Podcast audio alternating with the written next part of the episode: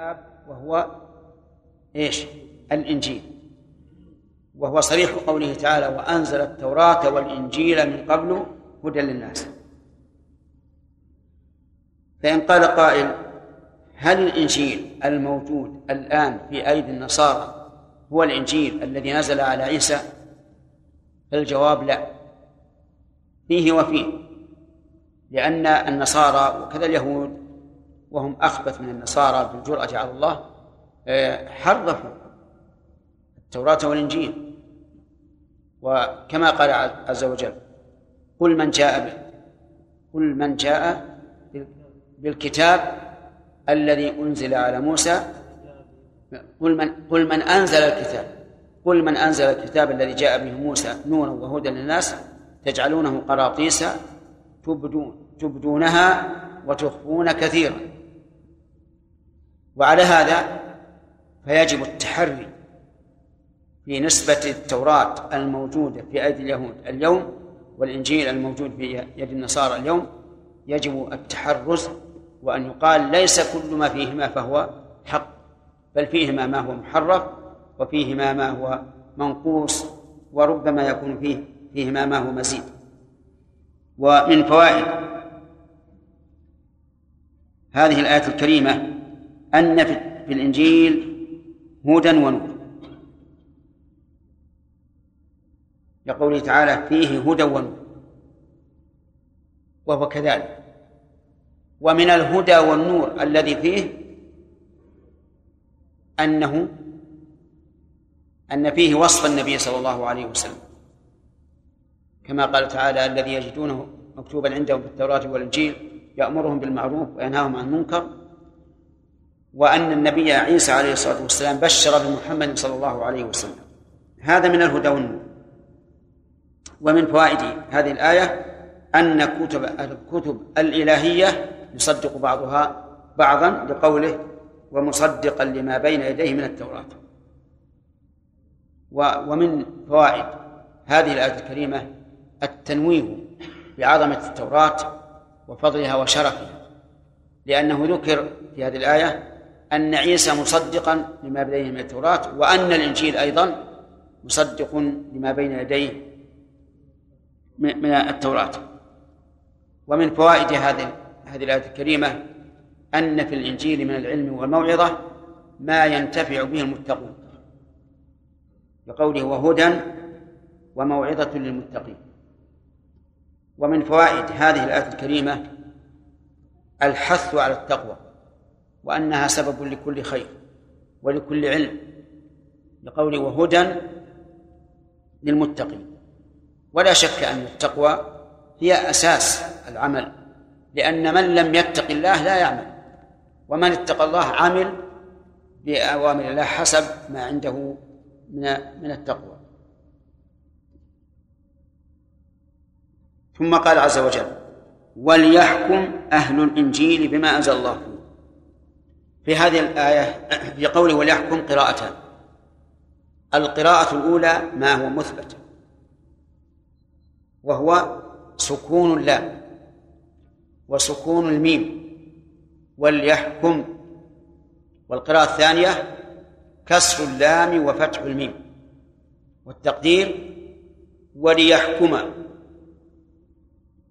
فعلى القراءة الأولى تكون اللام لام الأمر وعلى القراءة الثانية تكون اللام لام التعليل التي يعبر عنها أحيانا بلام كي. ولننظر آه، الإعراب على الوجهين. وليحكم تكون أمرا من الله عز وجل بأن يحكم أهل الإنجيل بما أنزل الله فيه. ولكن هذا الأمر هل هو مقول لقول محذوف؟ أي وقلنا وليحكم أهل الإنجيل بما أنزل الله فيه أو أنه أمر ابتدائي. قيل هذا وهذا. ومتى دار الأمر بين التقدير وعدمه؟ فالأولى عدم التقدير. طيب أما على قراءة الثانية وليحكم فتكون تعليلا لقول الله تعالى وآتيناه الإنجيل. يعني ليصدق ما بين يديه من التوراة وليحكم أهل الإنجيل بما أنزل الله فيه. والحكم هو بيان الحكم والإلزام به يعني بمعنى القضاء. فالقضاء بيان الحكم وإلزام به والفتوى بيان الحكم بدون إلزام. أهل الإنجيل بما أنزل الله فيه. بما أي بالذي أنزل الله فيه من الأحكام. وما يعني نور؟ شراب. ها؟ شراب. ماء بما أنزل شرطية ولا ولا نافية؟ موصولة. بمعنى بالذي أنزل الله فيه. الله أكبر. يا عبد الله بن عوف. أعوذ بالله من الشيطان الرجيم. وقفينا على آثارهم بعيسى ابن مريم مصدقا لما بين يديه من التوراة وآتيناه الإنجيل. وآتيناه الإنجيل فيه هدى ونور ومصدقا لما بين يديه من التوراة وهدى وموعظة للمتقين وليحكم أهل الإنجيل بما أنزل الله فيه ومن لم يحكم بما أنزل الله فأولئك هم الفاسقون وأنزلنا إليك الكتاب بالحق مصدقا لما بين يديه من الكتاب ومهيمنا عليه فاحكم بينهم بما أنزل الله ولا تتبع أهواءهم عما جاءك من الحق. لكل جعلنا منكم شرعة ومنهاجا. ولو شاء الله لجعلكم أمة واحدة ولكن ليبلوكم فيما آتاكم. فاستبقوا الخيرات إلى الله مرجعكم جميعا. إلى الله مرجعكم جميعا فينبئكم بما كنتم فيه تختلفون. أحسنت. أعوذ بالله من الشيطان الرجيم. قال الله تعالى وقفينا على آثارهم بعيسى بن مريم إلى آخره. ما معنى قوله وقفينا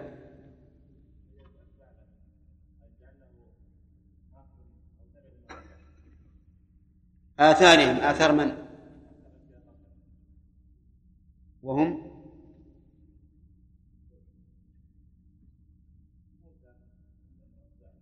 موسى ومن تبعه من النبيين الذين أسلموا. طيب. آه، لماذا نسبه إلى أمه يحيى؟ هل يؤخذ من هذا أنه إذا وجد ولد ليس له أم ليس له أب أن ينسب إلى أمه؟ يصح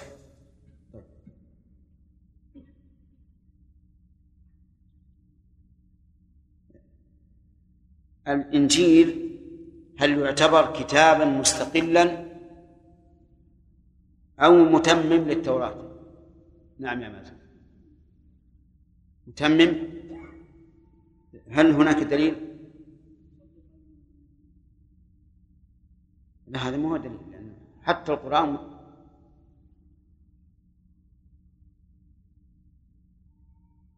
نعم بيومي إيش؟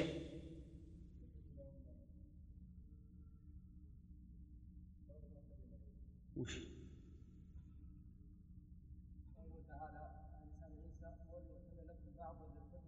نعم. وليحل لكم بعض الذي حرم عليكم وأيضا قال العلماء إن أكثر ما في الإنجيل مواعظ وقصص وليس أحكام مستقلة. وهذا هو هذا هو الواقع. طيب.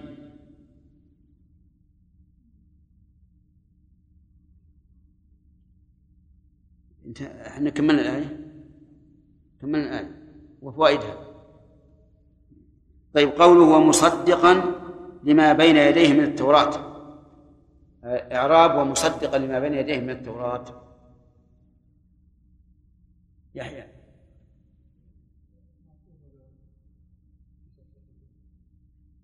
كيف؟ وقفينا على آثاره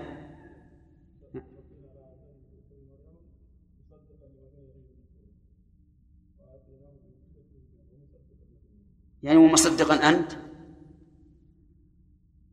ما يستقيم. حال من عيسى هذه الأولى. ها؟ أتى الإنجيل. نعم صحيح. فيه هدى ونور جملة حالية ومصدقا معطوف على هذه الجملة الحالية فهو حال من الإنجيل. نعم. قوله وهدى وموعظة بالنصر. معطوفة. كيف؟ وآتيناه الإنجيل وآتيناه هدى وموعظة.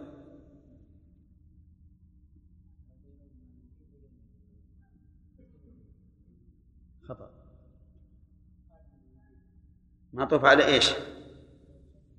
على مصدق تمام. والمعطوف على الحال حال. كما تقول جاء زيد راكبا ومسرعا وضاحكا وما أشبه ذلك. قال الله تبارك وتعالى وليحكم أهل الإنجيل بما أنزل الله. فيه هذا قرآن أول فقط قال وليحكم أهل الإنجيل بما أنزل الله فيه فيها قراءتان الأولى وليحكم على أن تكون اللام لام الأمر. والثانية وليحكم على أن اللام لام التعليل. نعم. فإن, فإن قلنا إنها لام الأمر فإنها مقول لقول محذوف أي وقلنا لهم ليحكم أهل الإنجيل بما أنزل الله فيه. وإن قلنا اللام للتعليل فهي معطوفة على مصدقا. يعني مصدقا لما بينه ولأجل أن يحكم أهل الإنجيل بما أنزل الله فيه. وقوله بما أنزل الله فيه أي بالذي أنزل الله فيه. وهو نعم. ومن لم يحكم بما أنزل الله فأولئك هم الفاسقون. نقول فيها كما قلنا كما قلنا في الآيتين السابقتين. إلا أنه هنا قال الفاسقون. فهل الفسق هنا فسق معصية أو فسق كفر؟ لأن الفسق قد يكون فسق كفر وفسق معصية. هذا على حسب الحال. والتفصيل الذي ذكرناه سابقا تنزل عليه هذه الآيات. فمن حكم بغير ما أنزل الله عادلا عن حكم الله زاعما أنه يساوي حكم الله أو أنفع فهذا كافر. ومن حكم بغير ما أنزل الله للعدوان على المحكوم عليه فهذا ظالم. ومن حكم بغير ما أنزل الله لهوى في نفسه فهذا فاسق. ففي هذه الآية الكريمة أنه يجب على أهل الإنجيل أن يحكموا بما أنزل الله. فيه ومن فوائدها أنه يجب على أهل الإنجيل أن يؤمنوا بمحمد. وجه ذلك أن مما أنزل في الإنجيل صفة محمد صلى الله عليه وعلى آله وسلم وقد بشر عيسى به فقال ومبشرا برسول يأتي من بعد اسمه أحمد. فلو قال النصارى اليوم إنهم مؤمنون بالإنجيل قلنا لهم لم تؤمنوا. لأنكم لو لو آمنتم بالإنجيل لآمنتم بمحمد صلى الله عليه وسلم إذ هو مكتوب عندكم في التوراة والإنجيل يأمركم بالمعروف وينهاكم عن المنكر إلى آخره. وأيضا قد بشركم به نبيكم عيسى عليه الصلاة والسلام. فإن قال إن الذي بشرنا به اسمه أحمد قلنا هذا اسم آخر لمحمد عليه الصلاة والسلام. فاسمه أحمد ومحمد. ويدل لهذا قول الله تبارك وتعالى فلما جاءهم بالبينات جاء من؟ جاء بني إسرائيل. بالبينات الدالة على صدقه وعلى تصديق عيسى ببشارته. قالوا هذا سحر مبين. وكلمة جاء في اللسان العربي المبين تفيد. الماضي ولا المستقبل؟ الماضي. فيكون الرسول الذي بشر به عيسى قد جاء. وهل أحد جاء قبل محمد؟ لا. هم ما ادعوا أن أحدا جاء قبل محمد اسمه أحمد. إنما قالوا ينتظر أن يجيء أحمد فنقول هذا الذي قلتم غير صحيح لأنه جاء. وليس بمنتظر. و ومن فوائد الآية الكريمة أن الإنجيل منزل من عند الله. لقوله بما أنزل الله فيه وهو صريح جدا في قول الله تبارك وتعالى وأنزل التوراة والإنجيل من قبل هدى للناس وأنزل الفرقان.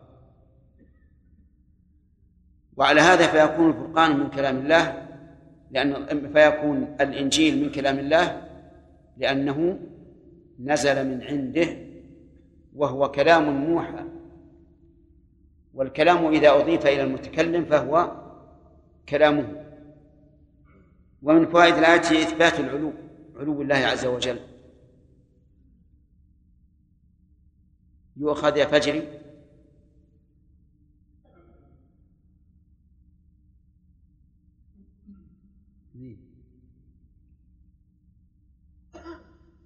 تؤخذ من أين؟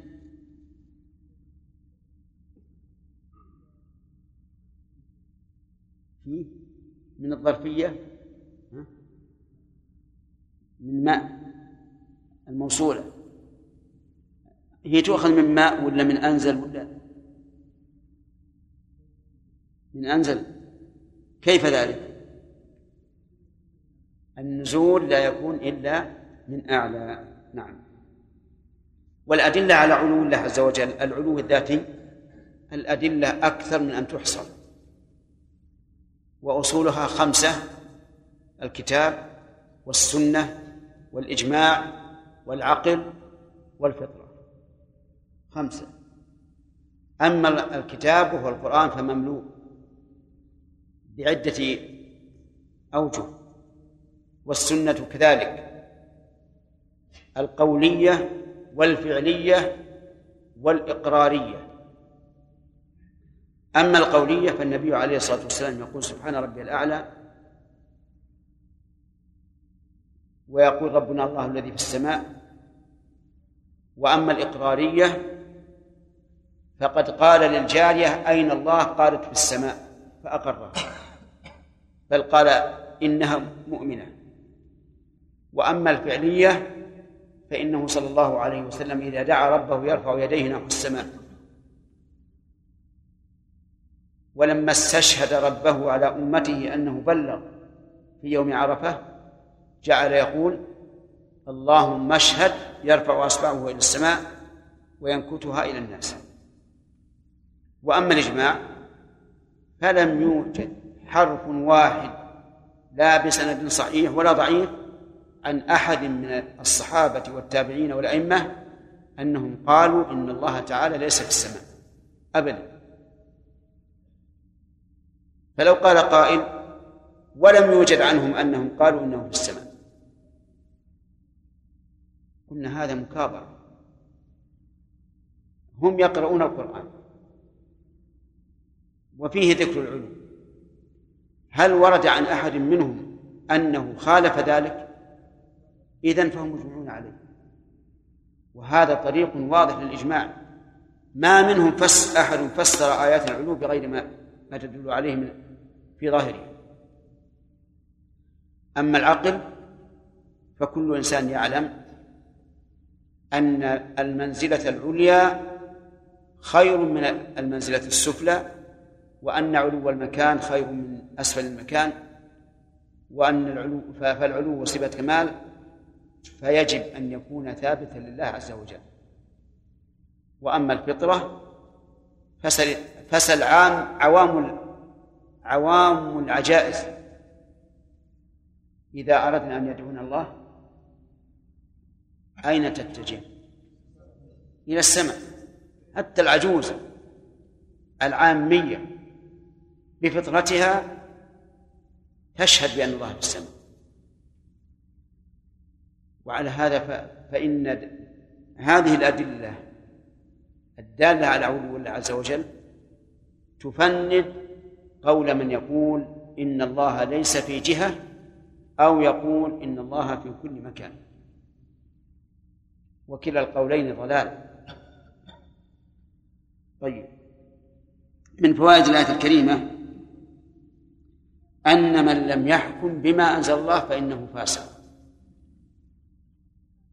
وهذه آخر آيات الآيات الثلاث أولاها فأولئك هم الكافرون وثانيها فأولئك هم الظالمون وثالثها هذه الآية فأولئك هم الفاسقون. فهل هذه الأوصاف موصوف لواحد؟ هذه الأوصاف صفات لموصوف واحد؟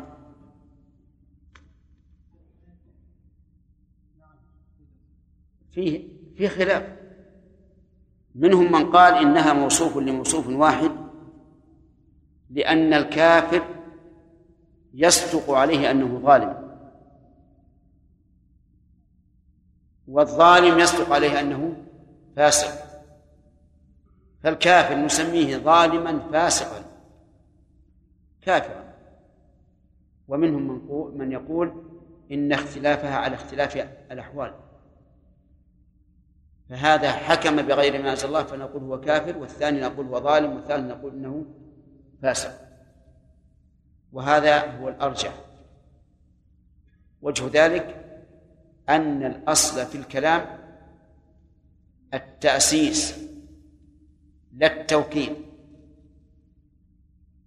فإذا كان كذلك فينبغي أن نقول كل وصف يتنزل على حال من الأحوال.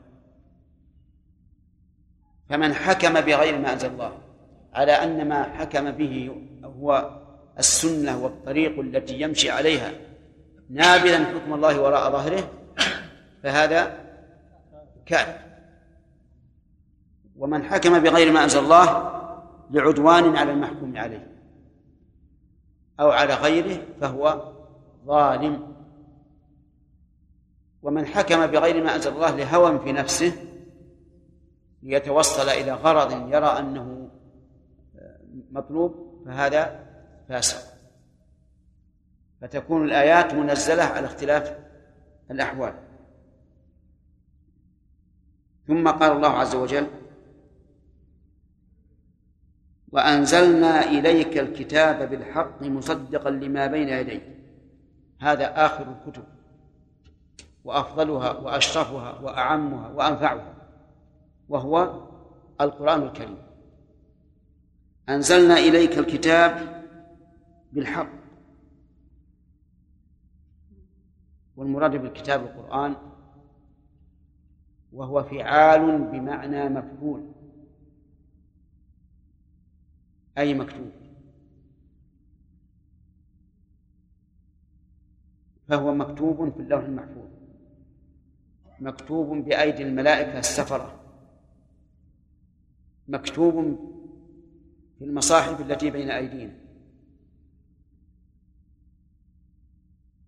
وسمي بذلك لأنه جمعت فيه الأحكام الشرعية والأخبار الصادقة والقصص النافعة وأصل الكتب الجمع ومنه الكتيبة لطائفة مجتمعة من من الجيش. وقوله بالحق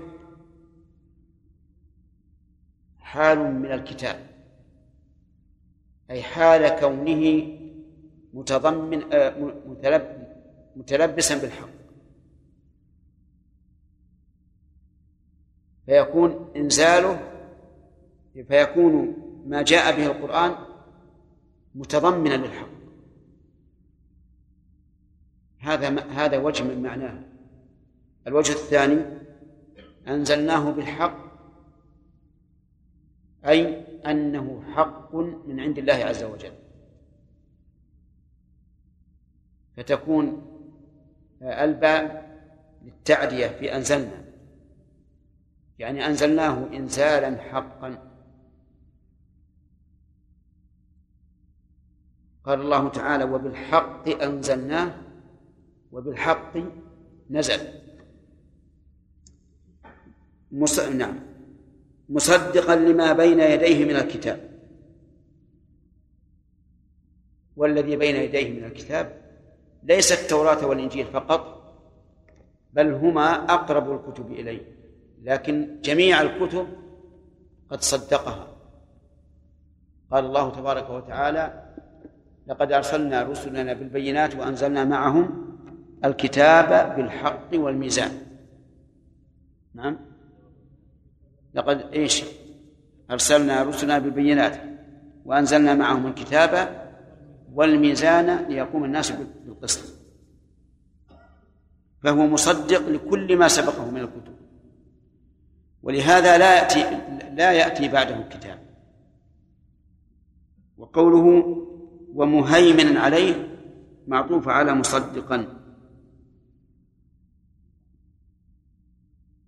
ومصدقا هذه حال من الكتاب. فيكون الكتاب هو المهيمن. مهيمنا عليه أي على ما بين يديه من الكتاب. ومعنى الهيمنة قيل معناها الشاهد أي شاهد عليه. وهذا فيه فيه نظر. لأن شاهدا يغني عنها مصدقا. وقيل الهيمنة بمعنى السيطرة. والحكم أي أنه حاكم على ما سبقه من الكتب مسيطر عليها ناسخ لها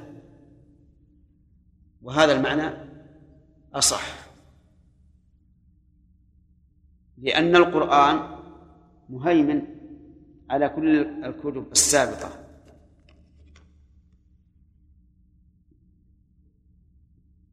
هذا إذا مهيمن عليه الصواب أنه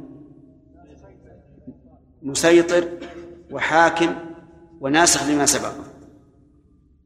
ولهذا فرع عليه قوله فاحكم بينهم بما أنزل الله. يعني فبناء على ذلك احكم بينهم أي بين أهل الكتاب وبين المسلمين بما أنزل الله يعني والمراد به القرآن. فإذا تحاكموا إلينا حكمنا بينهم بالقرآن لأن القرآن مهيمن مسيطر على ما سبق. يعارض ولا يعارض ويحكم ولا يحكم عليه. فاحكم بينهم بما أنزل الله ولا تتبع أهواءهم عما جاءك من الحق. الله. هذا القول موجه من الله عز وجل إلى رسوله عليه الصلاة والسلام. مع أننا نعلم علم اليقين أنه لن يفعل ذلك. أليس كذلك؟ لكن ليعتبر الناس أنه إذا كان محمد رسول الله صلى الله عليه وعلى آله وسلم ينهاه ربه مرسله عن اتباع أهوائهم عما جاء عما جاءهم من الحق فكيف بغيره؟ ومعنى قوله تتبع أهواءهم ولم يقل شريعتهم أو أو نحوها لأنهم على هوى وليسوا على هدى فكفرهم بما جاء به محمد صلى الله عليه وسلم هوى ليس عن عقل ولا عن شر وقول عما جاءك متعلقة بمحذوف. والتقدير عادلا عما جاءك من الحق. عادلا عما جاءك من الحق. وهذا أحسن من أن يقدر بمعرضا عما جاءك. لأن تقديره معرضا فيه شيء من الشدة. لكن عادلا أخف. المعنى واحد لكن ينبغي استعمال الألفاظ المناسبة. إذا عما جاءك من الحق نقول متعلق بإيش؟ محذوف التقدير عادلا عما جاءك من الحق. ولم يقل عما جاءك أو عما نزل بل قال من الحق. ليتبين أن ما جاء به الرسول صلى الله عليه وآله وسلم حق. لا يمكن العدول عنه إلى غيره. لكل جعلنا منكم شرعة ومنهاجا. لكل يقول النحويون إن التنوين هنا عوض. تنوين عوض. إيش التقدير؟ نعم. أو ل... نعم. لكل أمة جعلنا منكم أو لكل واحد. المهم أن هذا عوض عن التنوين عوض عن محذوف عن كلمة. جعلنا منكم شرعة ومنهاجا. جعلنا صيرنا. شرعة ومنهاجا. الشرعة ما يشرع وأصلها شرعة الماء. والمنهاج ما ينهج وأصله الطريق. فكل واحد كل أمة لها شرعة تناسب حالها ومكانها وزمانها. ومنهاج تسلكه هذه الأمة إما الكفر وإما الإيمان. كل أمة هكذا. فشرائع اليهود والنصارى مناسبة لحالهم وزمانهم ومكانهم. وشريعة محمد صلى الله عليه وسلم مناسبة لكل أمة في كل زمان وفي كل مكان. فيكون قوله لكل جعلنا منكم شرعة ومنهاجا بعد توحيد الشرع والمنهاج يكون من باب إفحام الخصم. أي أن هؤلاء الذين يقولون إن شريعة محمد غير مقبولة لأنها تخالف شرائعنا شرائعنا وغير صحيحة لأنها تخالف شرائعنا نقول إن أنتم لكم شرائع خاصة مناسبة ونحن وأمة محمد لها شرائع خاصة مناسبة. وأنتم الآن تعتبرون من أمة محمد باعتبار إيش؟ الدعوة. نعم. لكل جعلنا منكم شرعة ومنهاجا. ولو شاء الله لجعلكم أمة واحدة. سبحانه وتعالى لأن بيده الأمر. فلو شاء الله لجعل, لجعل الشرائع واحدة. يكفر بها من يكفر ويؤمن بها من يؤمن ولكنه سبحانه وتعالى له الحكمة فيما شرع. ولهذا قال ولكن ليبلوكم فيما آتاكم. يبلو بمعنى يختبر. فيما آتاكم أي من الشرائع. سواء كانت سهلة ميسرة أو كانت صعبة مشددة. فالأول يبتلى هل يشكر أو لا يشكر. والثاني يبتلى هل يصبر أو لا يصبر. لأننا نعلم أن الشرائع مختلفة في يسرها وعسرها. فالشرائع الميسرة يبتلى بها بإيش؟ بالشكر. هل يشكر هؤلاء الذين يسر عليهم أم لا؟ وأما المشددة فيبتلى بها بالصبر هل يصبرون على هذه الشرائع ويقومون بها أو لا؟ ولهذا قال ليبلوكم أي يختبركم فيما آتاكم منين من الشرائع. فاستبقوا الخيرات أي بادروها بالسبق إليها. والخيرات جمع خير والمراد بها كل ما جاءت به الشريعة الإسلامية فإنه خير. ولهذا ما من نبي بعده الله إلا ودل أمته على الخير وحذرها من الشر. فاستبقوا الخيرات إلى الله مرجعكم جميعا. الله أكبر. المرجع إلى الله سبحانه وتعالى. كل الخلائق مرجعها إلى الله. وهل المراد المرجع في الدنيا أو في الدنيا والآخرة؟ في الدنيا والآخرة. مرجعنا إلى الله في الدنيا والآخرة. أما في الدنيا فإن مرجعنا إلى الله هو الذي يحكم بيننا وهو الذي يحكم علينا ويحكم فينا وأما في الآخرة فكذلك يفصل بيننا يوم القيامة فريق في الجنة وفريق في السعير. إلي آه نعم. إلى الله مرجعكم وفي قوله إلى الله مرجعكم فيه فائدة بلاغية وهي الحصر. وذلك بتقديم الخبر لأن القاعدة أن ما أنه إذا قدم ما حقه التأخير كان ذلك دليلا على الحصر. طيب. يقول فينبئكم بما كنتم فيه تختلفون. ينبئ بمعنى يخبر. وهل النبأ والخبر معناهما مترادف أو بينهما فرق دقيق؟ يقول شيخ الإسلام رحمه الله إنه ليس في اللغة شيء مترادف يعني مئة بالمئة بل لا بد من فرق. وإلا لكان في لكان في اللغة العربية شيء من الحشو. لا بد من فرق. حتى أسد ضرغام وغضنفر وما أشبه ذلك وإن كان مدلولها واحدا لكن لا بد أن يكون كل واحد منها مشتملا على معنى دقيق يفرق بينه وبين الآخر. هنا النبأ والإخبار. قيل إن الإخبار يشمل ما كان هاما وما لم يكن هاما.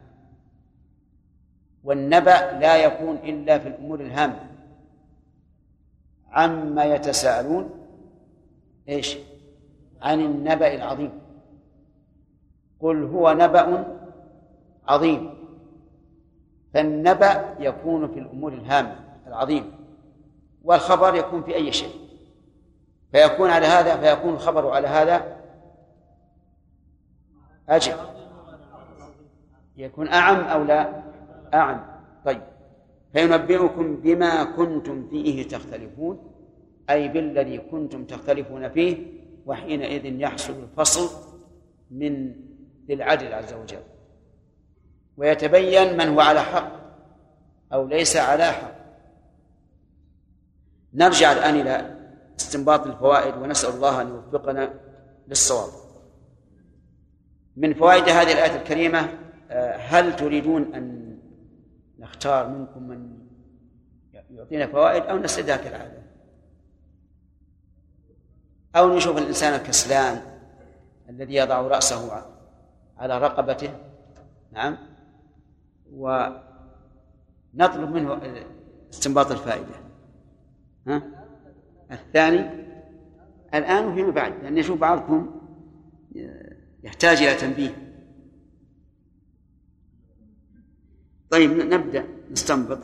وفي هذه في هذه الآية الكريمة إثبات أن القرآن كلام الله. منين فهد؟ كيف ذلك؟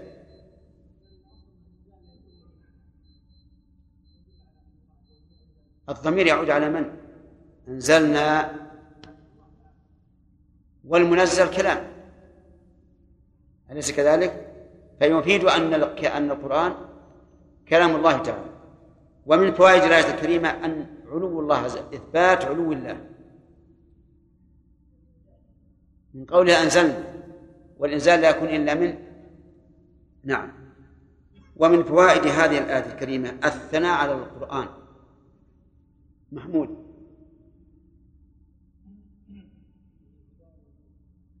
ما فيه دوام نعم. فيها قبل وصف قبل هذا. لا بأس لكن نعم. بالحق بالحق. أن القرآن حق ونازل بالحق. طيب. ومن فوائد هذه الآية الكريمة؟ المنقبة العظيمة للرسول عليه الصلاة والسلام. نعم. المنقبة للرسول. أنزلنا إليك. وهذا يفسر قوله تعالى نزل به الروح الأمين على قلبك. ومن فوائد هذه الآية الكريمة أن القرآن مصدق لجميع الكتب.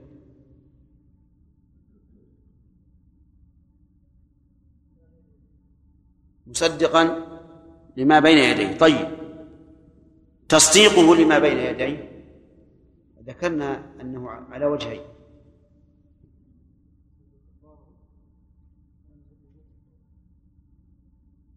يعني حاكما بصدق الكتب المنزلة السابقة ومصدقا لما أخبرت به من نزول القرآن. طيب. طيب. نخلي بقية الفوائد إن شاء الله بعد. في جامعاتها علم يسمى بعلم الأديان. نعم. والمتخصص فيه يكون على علم بالشريعة الإسلامية وعلى علم بغيرها من الشرائع كاليهودية والنصرانية. نعم. فإذا سئل المتخصص في تلك البلاد التي قد يوجد فيها نصارى أو يهود سئل عن حكم من أحكام شريعة شريعة هؤلاء السائلين ولنفرض منهم يهود مثلا أو نصارى. فهل يجيبهم ويكون بذلك أفتاهم في دينهم؟ أم يجب أن يقول لهم هذا هذه الفتوى غير صحيحة؟ سيأتينا إن شاء الله. أنه إذا رفع إلينا فإننا نحكم بما أنزل الله. لأن الحكم اليوم عليه منسوخ. غير مرضي عند الله عز وجل. حتى بالإخبار لأنه لأنك إذا أخبرتهم حكمت لهم. نعم. نعم. الفرق بين إلى وعلى أن على تفيد الاستعلاء. وأن إلى تفيد الغاية. يعني فهو من من من علو وغايته النبي عليه الصلاة والسلام. فهد؟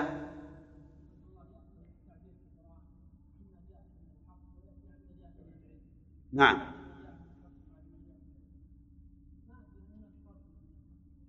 لا القرآن كله علم.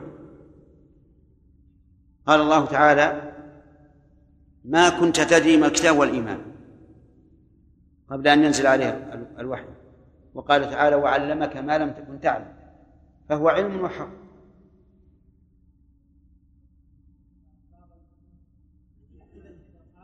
بعض الكتب إيش؟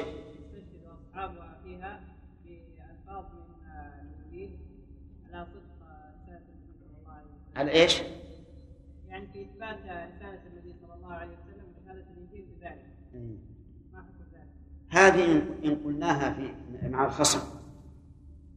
إن استشهد إن استشهدنا بها على الخصم الذي ينكر رسالة النبي عليه الصلاة والسلام وهو نصراني مثلا. نعم. نأتي به. نستشهد بان هذا حجة عليه. ولهذا يقول الله عز وجل ولئن أتيت الذين أوتوا الكتاب بكل آية ما تبعوا قبلته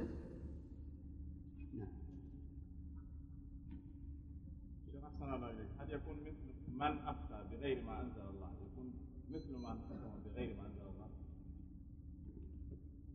أي نعم الأوصاف واحدة. لكن أن تعرف أن الحكم يمتاز عن الإفتاء بأنه إلزام. لأن الحاكم يلزم والمفتي لا يلزم.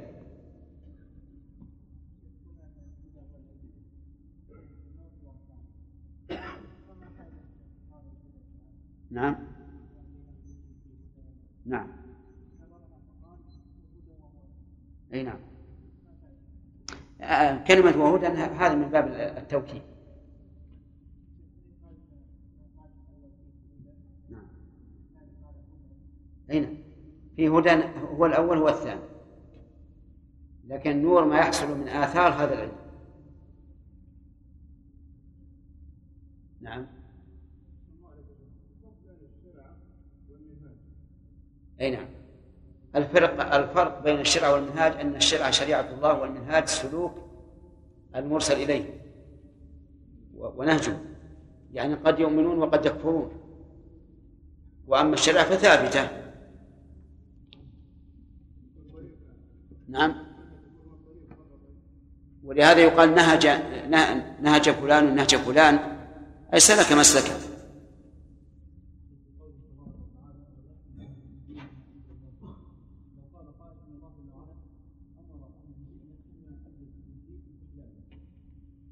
قال قائل؟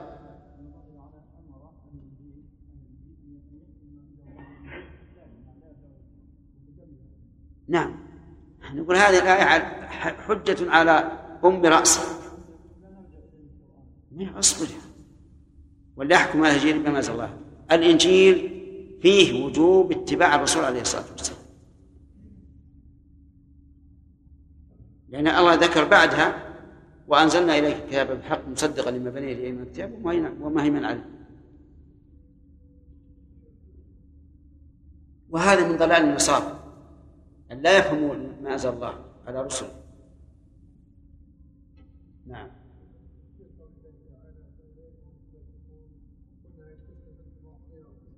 نعم.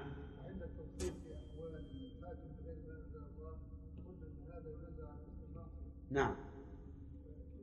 لا على أحد القولين. عندما يكون آه، عندما نجعل هذه الصفات لموصوف واحد يكون الفسق هو الكفر. نعم.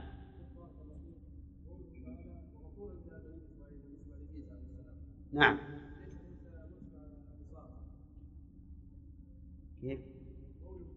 النصارى هم بنو إسرائيل.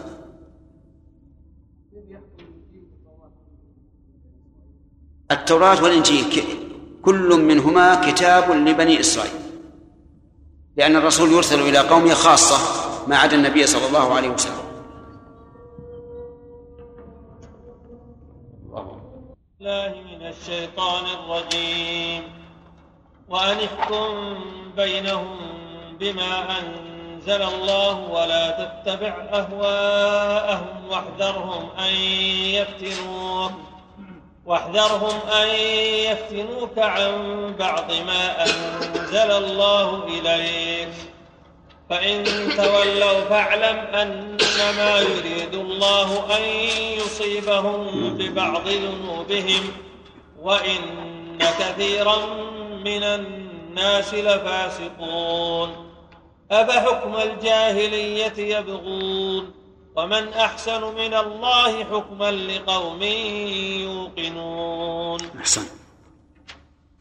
أعوذ بالله من الشيطان الرجيم. قال الله تعالى وأن يحكم بينهم بما أنزل الله. أي. وأنزلنا إليك الكتاب. طيب. قال الله تبارك وتعالى وأنزلنا إليك الكتاب بالحق مصدقا لما بين يديه من الكتاب ومهيمنا عليه. فاحكم بينهم بما أنزل الله إلى آخره. في هذه الآية فوائد. نعم. اقرأها لنا. اقرأها.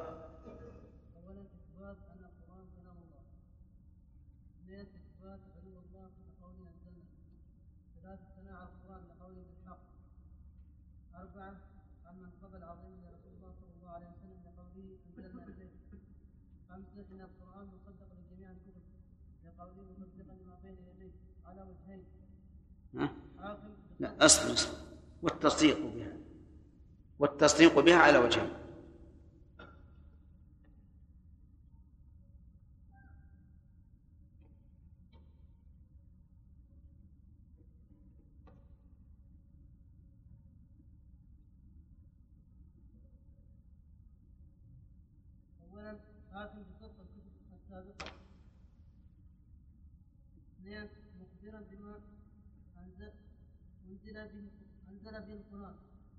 لا. أولا أنه شاهد بصدق الكتب السابقة. والثاني أنه وقع مصدقا لها حيث أخبرت به.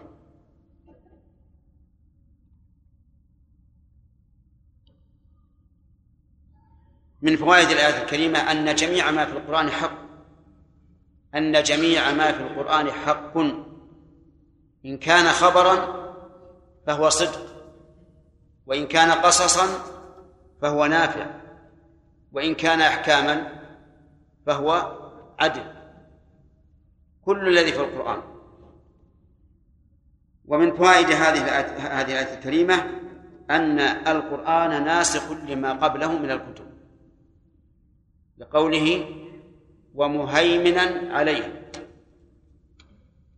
ومن فوائد هذه الآية وجوب الحكم بما أنزل الله في القرآن إذا تحاكم إلينا أهل الكتاب لقوله فاحكم بينهم بما أنزل الله. وهذا الخطاب للنبي صلى الله عليه وسلم لكن يشمل الأمة. ومن فوائد هذه الآية الكريمة النهي عن اتباع أهواء أهل الكتاب وغيرهم من الكفار لقوله ولا تتبع أهواءهم ومن فوائدها أن مخالفة أهل الكتاب لما جاء به محمد صلى الله عليه وسلم لم تبن على دليل صحيح ولا على عقل رجيح وإنما بنيت على هوى هوى باطل. بقوله بقوله ولا تتبع أهواءهم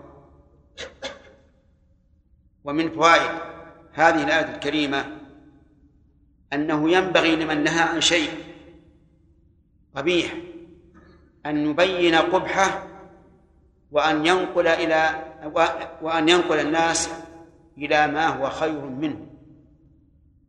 بقوله عما جاءك من الحق فكأنه قال لا تتبع أهواءهم واتبع ما جاءك من الحق. ومن فوائد هذه الآية الكريمة أنه يجب على المسلمين أن تكون لهم شخصية قائمة. لا يتابعون الناس فيكونون أذنابا لأعداء الله. بل يجب أن تكون لهم شخصية قائمة بعزة الإسلام. لقوله عما جاءك من الحق. ومن فوائد الآية الكريمة أن ما جاء الرسول أن ما جاء الرسول صلى الله عليه وسلم فهو حق. ومن فوائدها أن الله سبحانه وتعالى نوع الشرائع بحسب الأمم. نوع الشرائع بحسب الأمم. لقوله كل جعلنا منكم شرعا. وسبق لنا في التفسير أن المصالح تختلف باختلاف أحوال الناس وباختلاف أزمنتهم وباختلاف إيش؟ أمكنتهم. وهل هذا يكون بالنسبة للشريعة الإسلامية؟ بأن يكون الله قد جعل لكل حال حكما؟ أشرنا في الشرح أو في التفسير إلى ذلك. وقلنا حتى في الشريعة الإسلامية تختلف أحكامها بحسب الأزمان والأمكنة والأحوال. وذكرنا لذلك أمثلة. صل قائما فإن لم تستطع فقاعدا فإن لم تستطع فعلى جنب. أد الزكاة إن كان عندك مال زكوي وإلا فلا شيء عليك. حج البيت إن استطعت وإلا فلا شيء عليك. صم إن استطعت وإن عجزت عجزا مستمرا فأطعم. وهل مجرد تجد أن الشريعة الإسلامية نفسها تختلف باختلاف الأحوال. ومن فوائد هذه الآية الكريمة أن الناس يختلفون في المنهج في استقبال هذه الشرائع. لقوله ومنهاجا فمنهم كافر ومنهم مؤمن. ومن فوائد هذه الآية الكريمة. عموم قدرة الله جل وعلا وأن بيده الأمور الشرعية والكونية. لقوله ولا شاء الله لجعلكم أمة واحدة. يعني على ملة واحدة ولكنه سبحانه وتعالى له الحكمة البالغة فيما قدر وشرع. ومن فوائد الآية الكريمة الرد على القدرية. من يعرف؟ أنا قلت من يعرف ما قلت أعلموني. يا حجاج انتبه.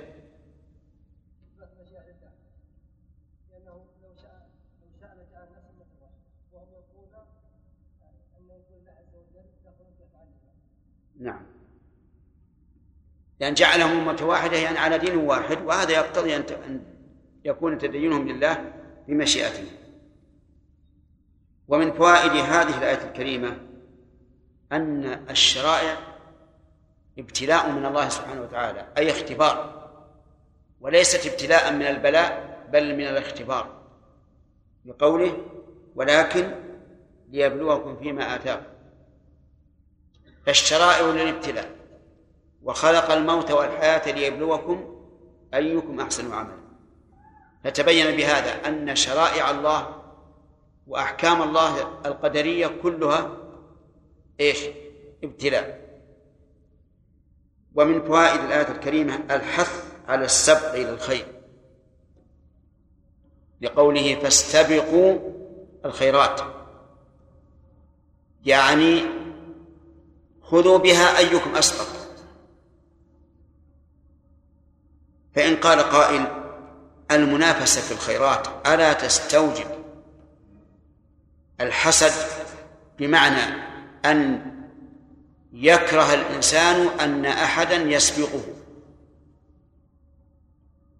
فالجواب لا لأن كراهة أن يسبق أحد لا تستلزم أن تكره إذا من الله على أحد فسبقك والحسد أن يكره الإنسان ما أنعم الله به على الغير ومن فوائد الآية الكريمة أن المرجع إلى الله تبارك وتعالى شرعا وقدرا لقوله إلى الله مرجعكم. فالمرجع إلى الله شرعا هو الذي يحكم بيننا وقدرا فإن فإن الأمر كما قال الله إن إلينا إيابهم ثم إن علينا حسابهم. ومن فوائد هذه الآية الكريمة عموم علم الله تبارك وتعالى بأفعال العباد. بقوله فينبئكم بما كنتم فيه تختلفون. فإن قال قائل وهل الحكم للكافرين على المؤمنين أو للمؤمنين على الكافرين؟ فالجواب بالثاني للمؤمنين على الكافرين. لقول الله تبارك وتعالى فالله يحكم بينكم يوم القيامة ولن يجعل الله للكافرين على المؤمنين سبيلا.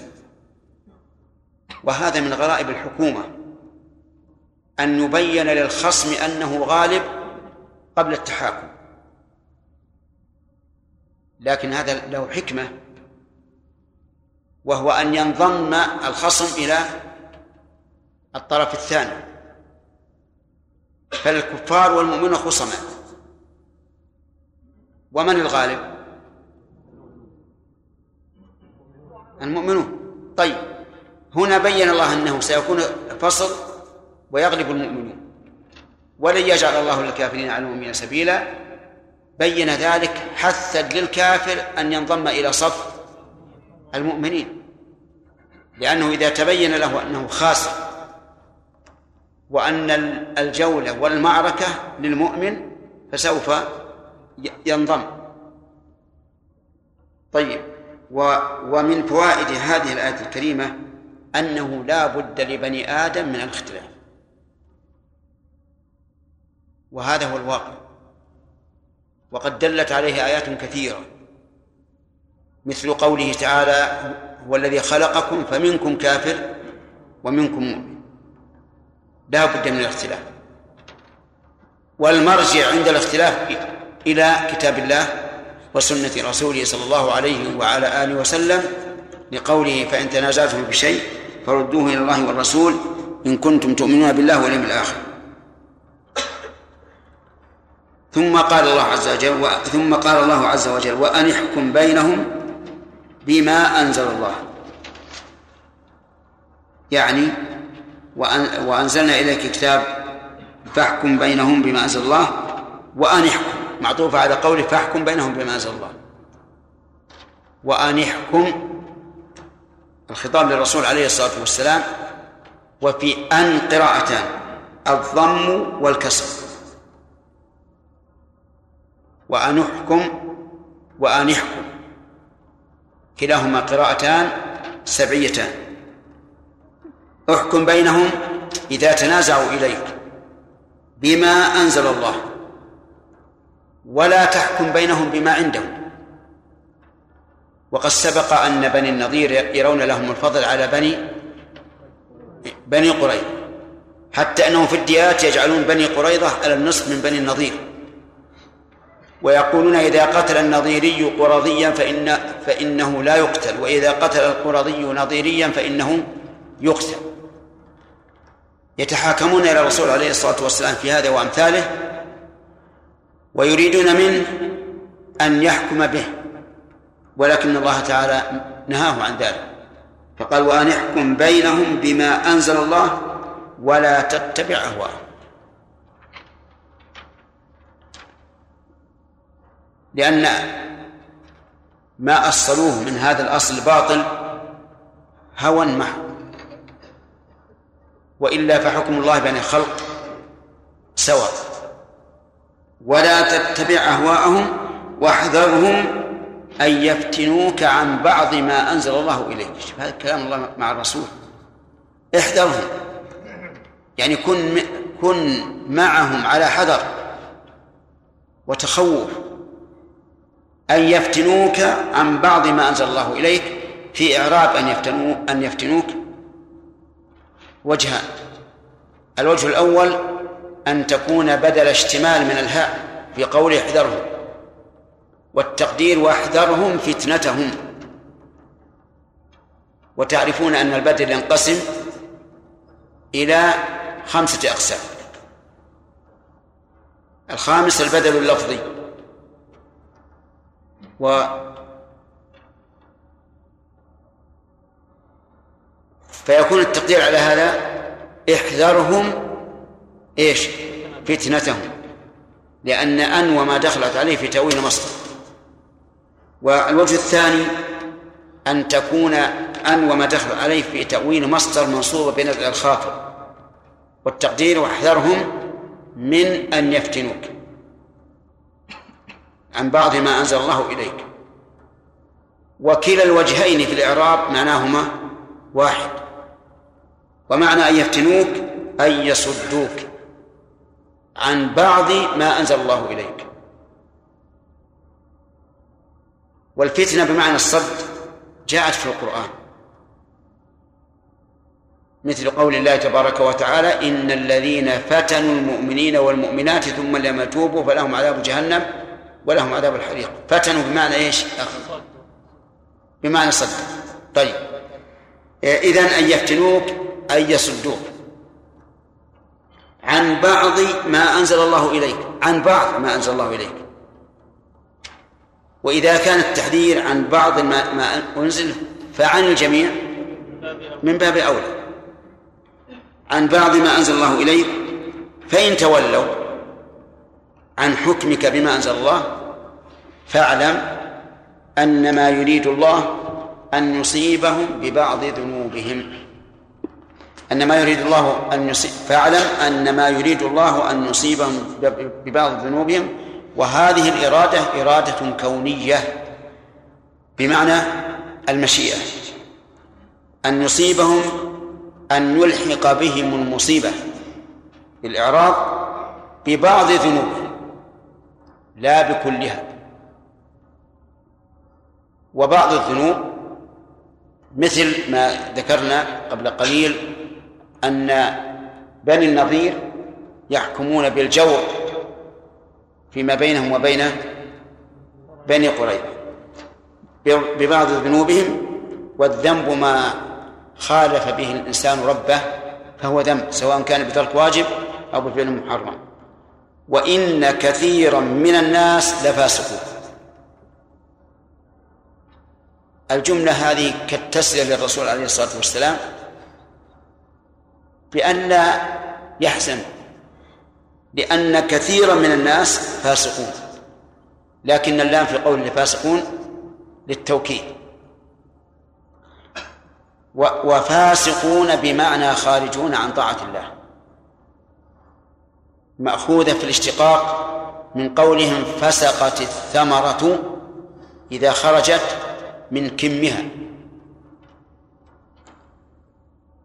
في هذه الآية الكريمة فوائد.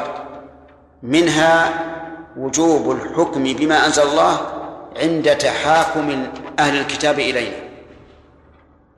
لقوله وأن يحكم بينهم بما أنزل الله. حتى وإن كان عندهم قوانين تخالف الحكم الشرعي فإننا لا نرجع إليها حتى وإن أقاموا الدنيا ضدنا فإننا لا نهتم بهم.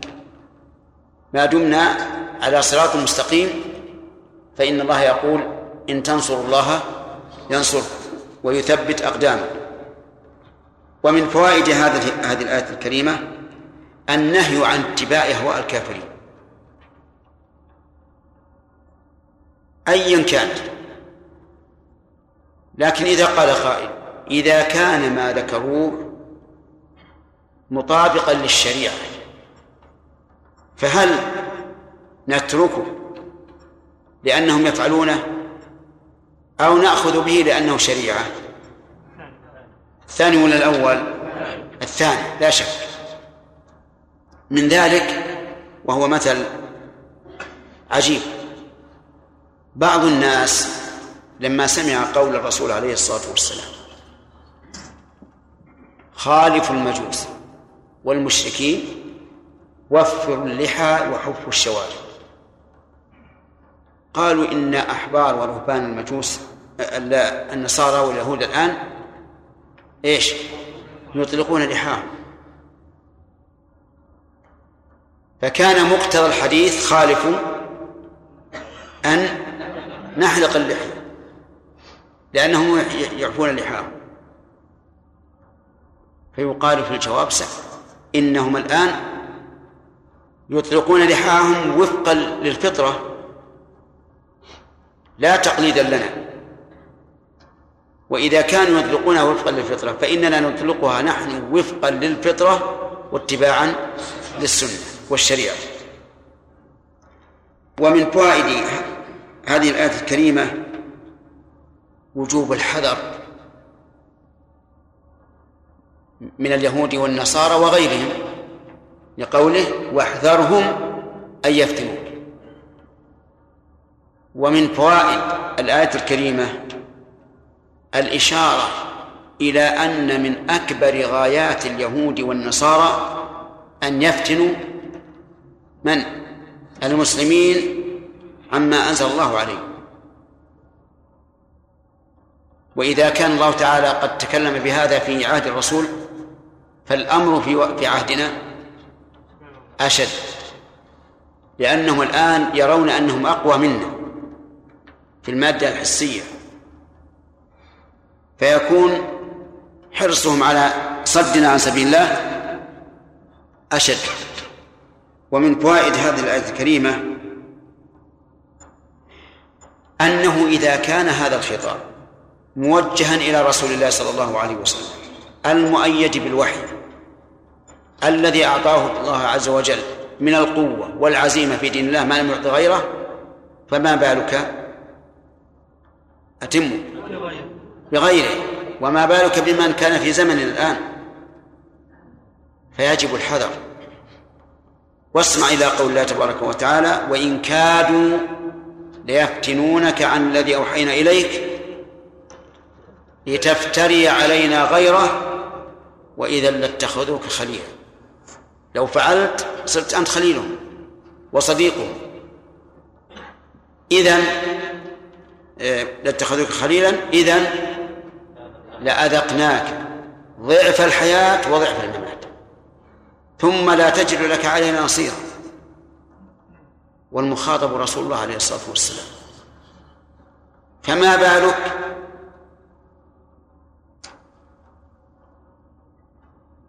آه نعم. فما بالك بمن, بمن دونه؟ يكون الحذر منهم أشد وأشد. أشد وأشد. وقال وفي الآية ولولا أن ثبتناك ما ما رددتها عليه نعم. ولولا أن ثبتناك لقد كدت تركن إليهم شيئا قليلا. لولا أن الله ثبته ونسأل الله لنا ولكم الثبات لكان يركن إليهم شيئا قليلا. ولو ركن إليهم شيئا قليلا إذن لأذقناك ضعف الحياة وضعف الممات. ثم لا تجد لك علينا نصير هكذا يا فراس. ما الذي قلت؟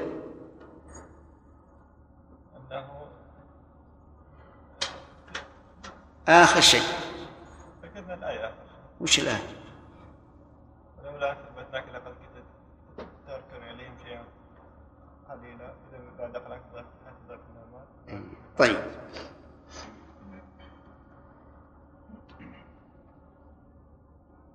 ومن فوائد هذه الآية هذه الآية الكريمة أن الذنوب لها آثار سيئة.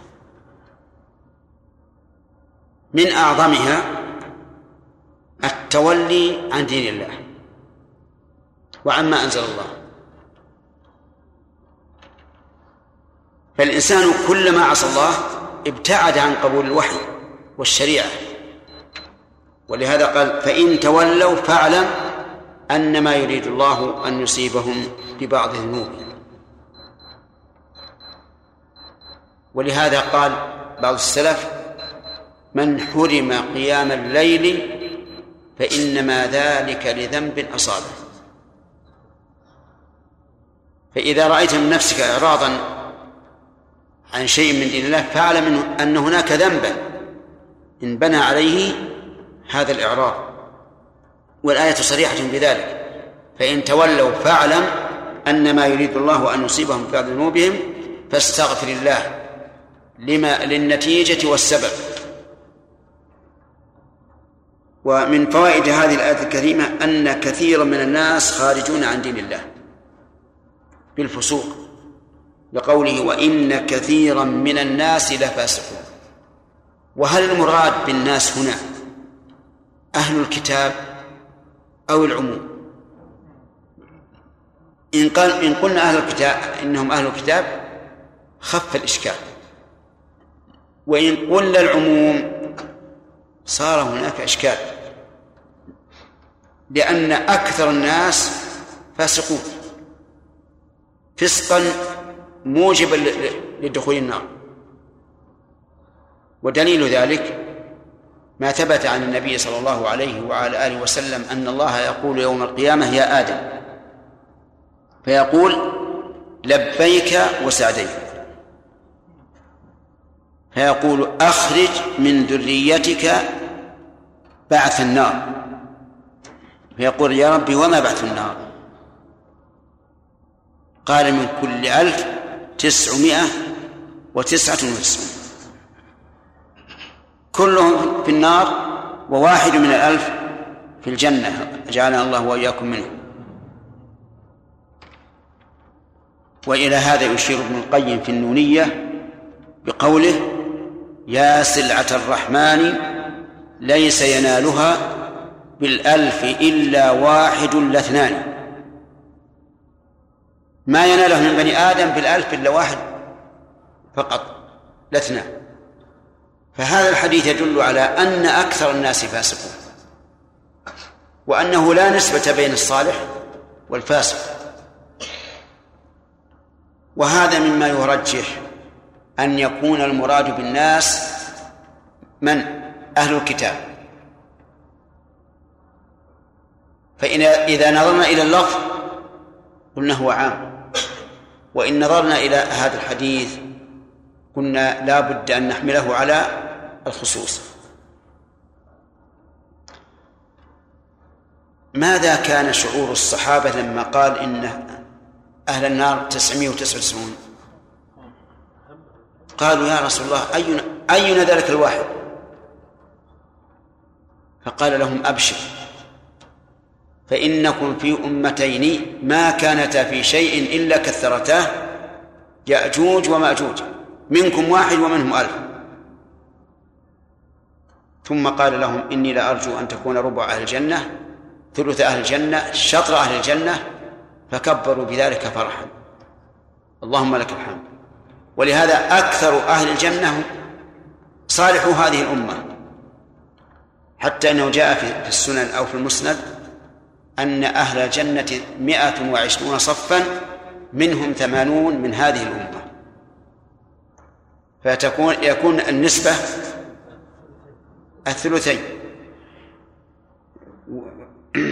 ومن فوائد هذه الآية الكريمة الحذر الشديد من موافقة الكفار.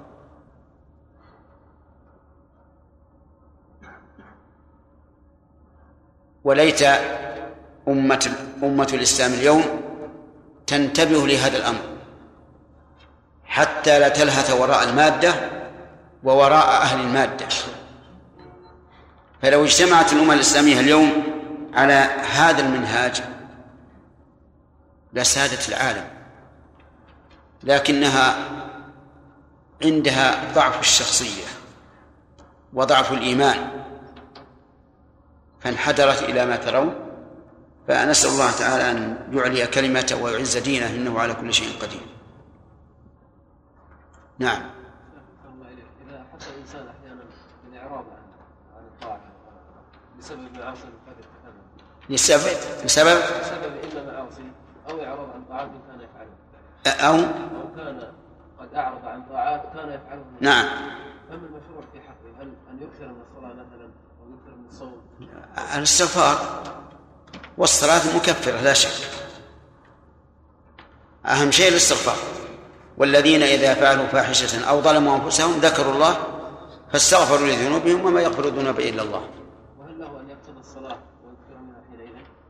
نعم له أن يفعل إذا رأى أن الصلاة توجب رجوعه للحق وانتهاءه فهي فهي عن الصلاة تنهى عن الفحشاء والمنكر.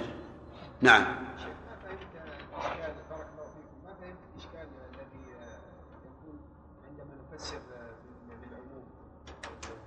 الناس. نعم. لأنه إذا قال كثير من الناس فليس الأكثر. أي نعم نعم إذا كان الإنسان في بلاد الكفار. نعم. فهل له التحاكم إليه لتحصيل حقه؟ إذا كان لا يمكن أن يصل إلى حقه إلا بهذا فليتحاكم إليهم لا على نية أن أن حكمهم صحيح لكن على نية أنهم كالشرطة يستخرجون له حقه من هذا الظالم. ولو لم ولو لم نقل بذلك لضاع حقه. ففرق بين أن يحكمهم على أن حكمهم شريعة وبين أن يحكمهم ليخلصوا حقه. ويعتقد أن حكمهم باطل في الأصل يعني ليسوا حكاما شرعيين. فيكونون له بمنزلة إيش؟ بمنزلة الشرطة يستخلصون له حقه. نعم. يقوم بآخر الليل. لكنه ترك قيام الليل لأجل طلب العلم في أول الليل هل يدخل في قول النبي صلى الله عليه وسلم يعني لا تكن مثل فلان كان يقوم على الليل وترك أيهما أفضل العلم أو التهجد؟ إذا ترك شيئا مفضولا لفاضل لكن من الممكن أنه يأتي بالأمرين جميعا. يعني لا يجد نفسه في أول الليل ولا ولا يجد نفسه في آخر الليل أيضا. يأتي من هذا بقليل ومن هذا بقليل. والأمر سهل يعني لو, لو تقدم بنصف ساعة قبل الفجر تمكن من أن يصلي ما شاء الله مع الوتر.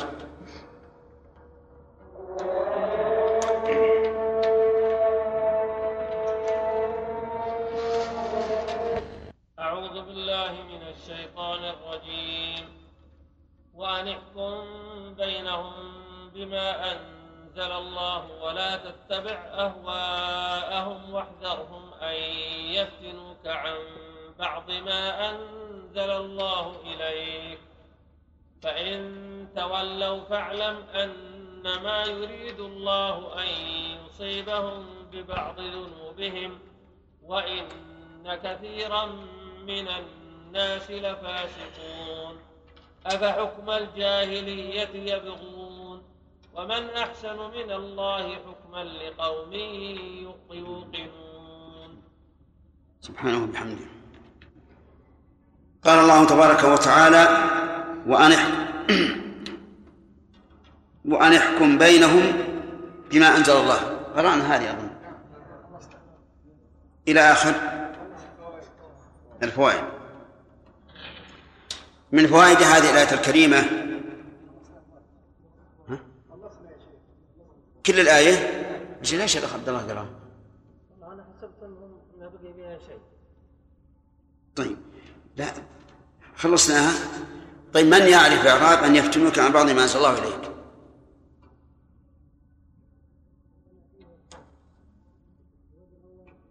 فيه وجهان. الأول بدلا من الضمير. طيب بدل إيش؟ بدل اجتماع. والوجه الثاني؟ نعم. أن تكون منصوبة بين الخافض والتقدير من أن يفتنوا طيب. أجل معناه أفحكم الجاهلية يبغون نعم. قال الله تعالى أفحكم الجاهلية يبغون الاستفهام هنا للإنكار. والتعجيل. يعني أن الله تعالى أنكر عليهم ذلك وأراد منا أن نتعجب من هذا الابتغاء أو من هذا من هذا الذي يبغونه.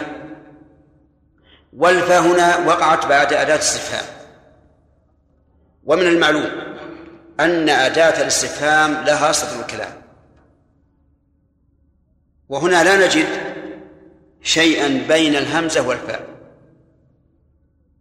فكيف يكون أو كيف يتوجه العطف بالفاء على شيء لا ليس بموجود؟ في هذا رأيان للنحويين.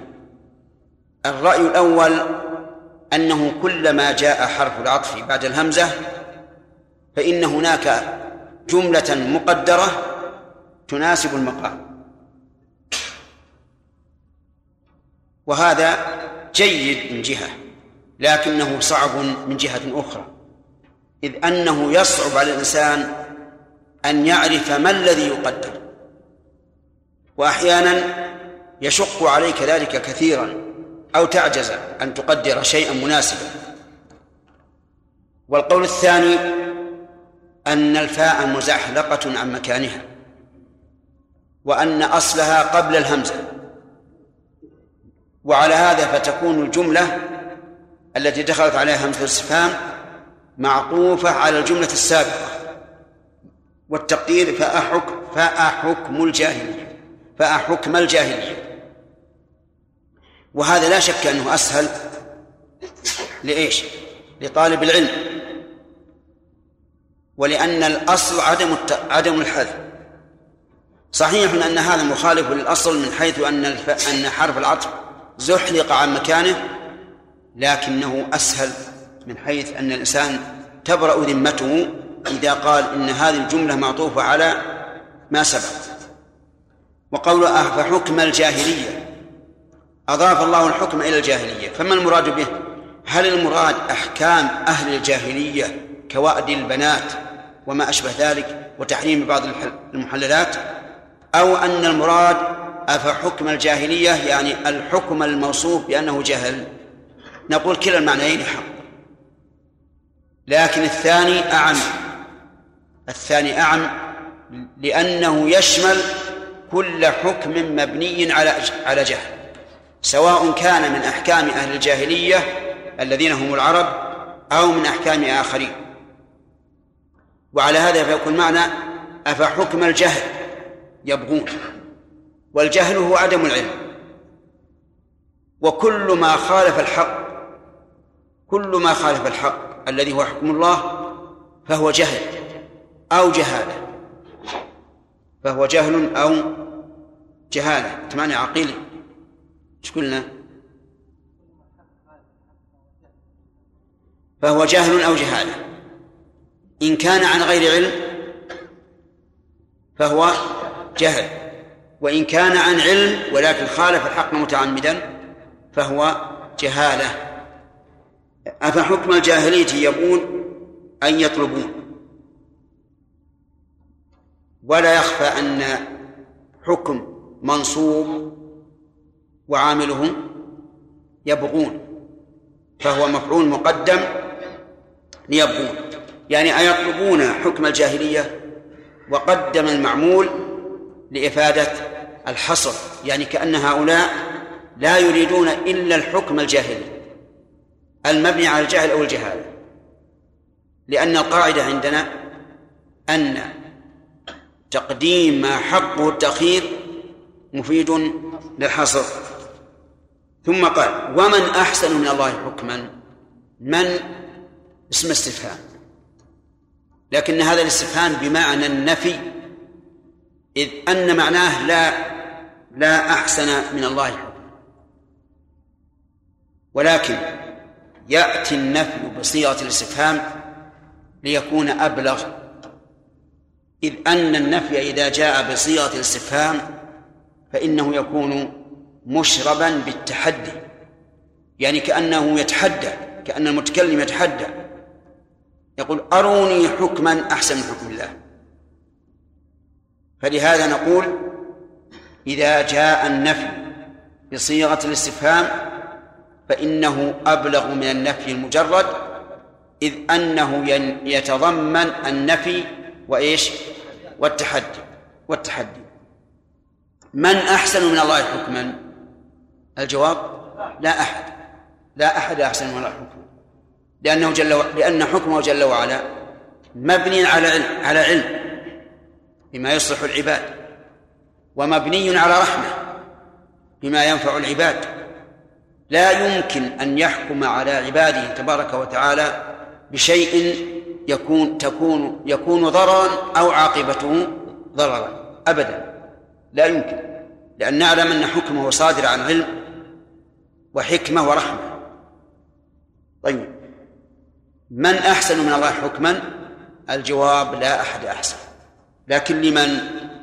لقوم يوقنون يوقنون بالله وبأسمائه وصفاته وبما تقتضيه هذه الأسماء والصفات هؤلاء لا يرون حكما أحسن من حكم الله. أما من عنده ضعف في اليقين فإنه قد يرى أن حكم غير الله إيش؟ أحسن من حكم الله.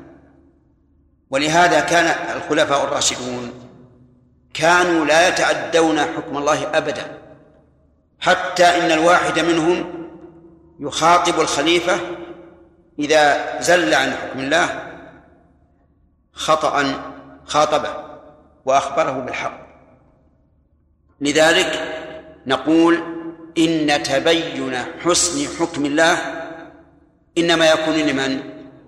للموقنين أما ضعيف اليقين فإنهم لا يرون أن حكم الله أحسن الأحكام.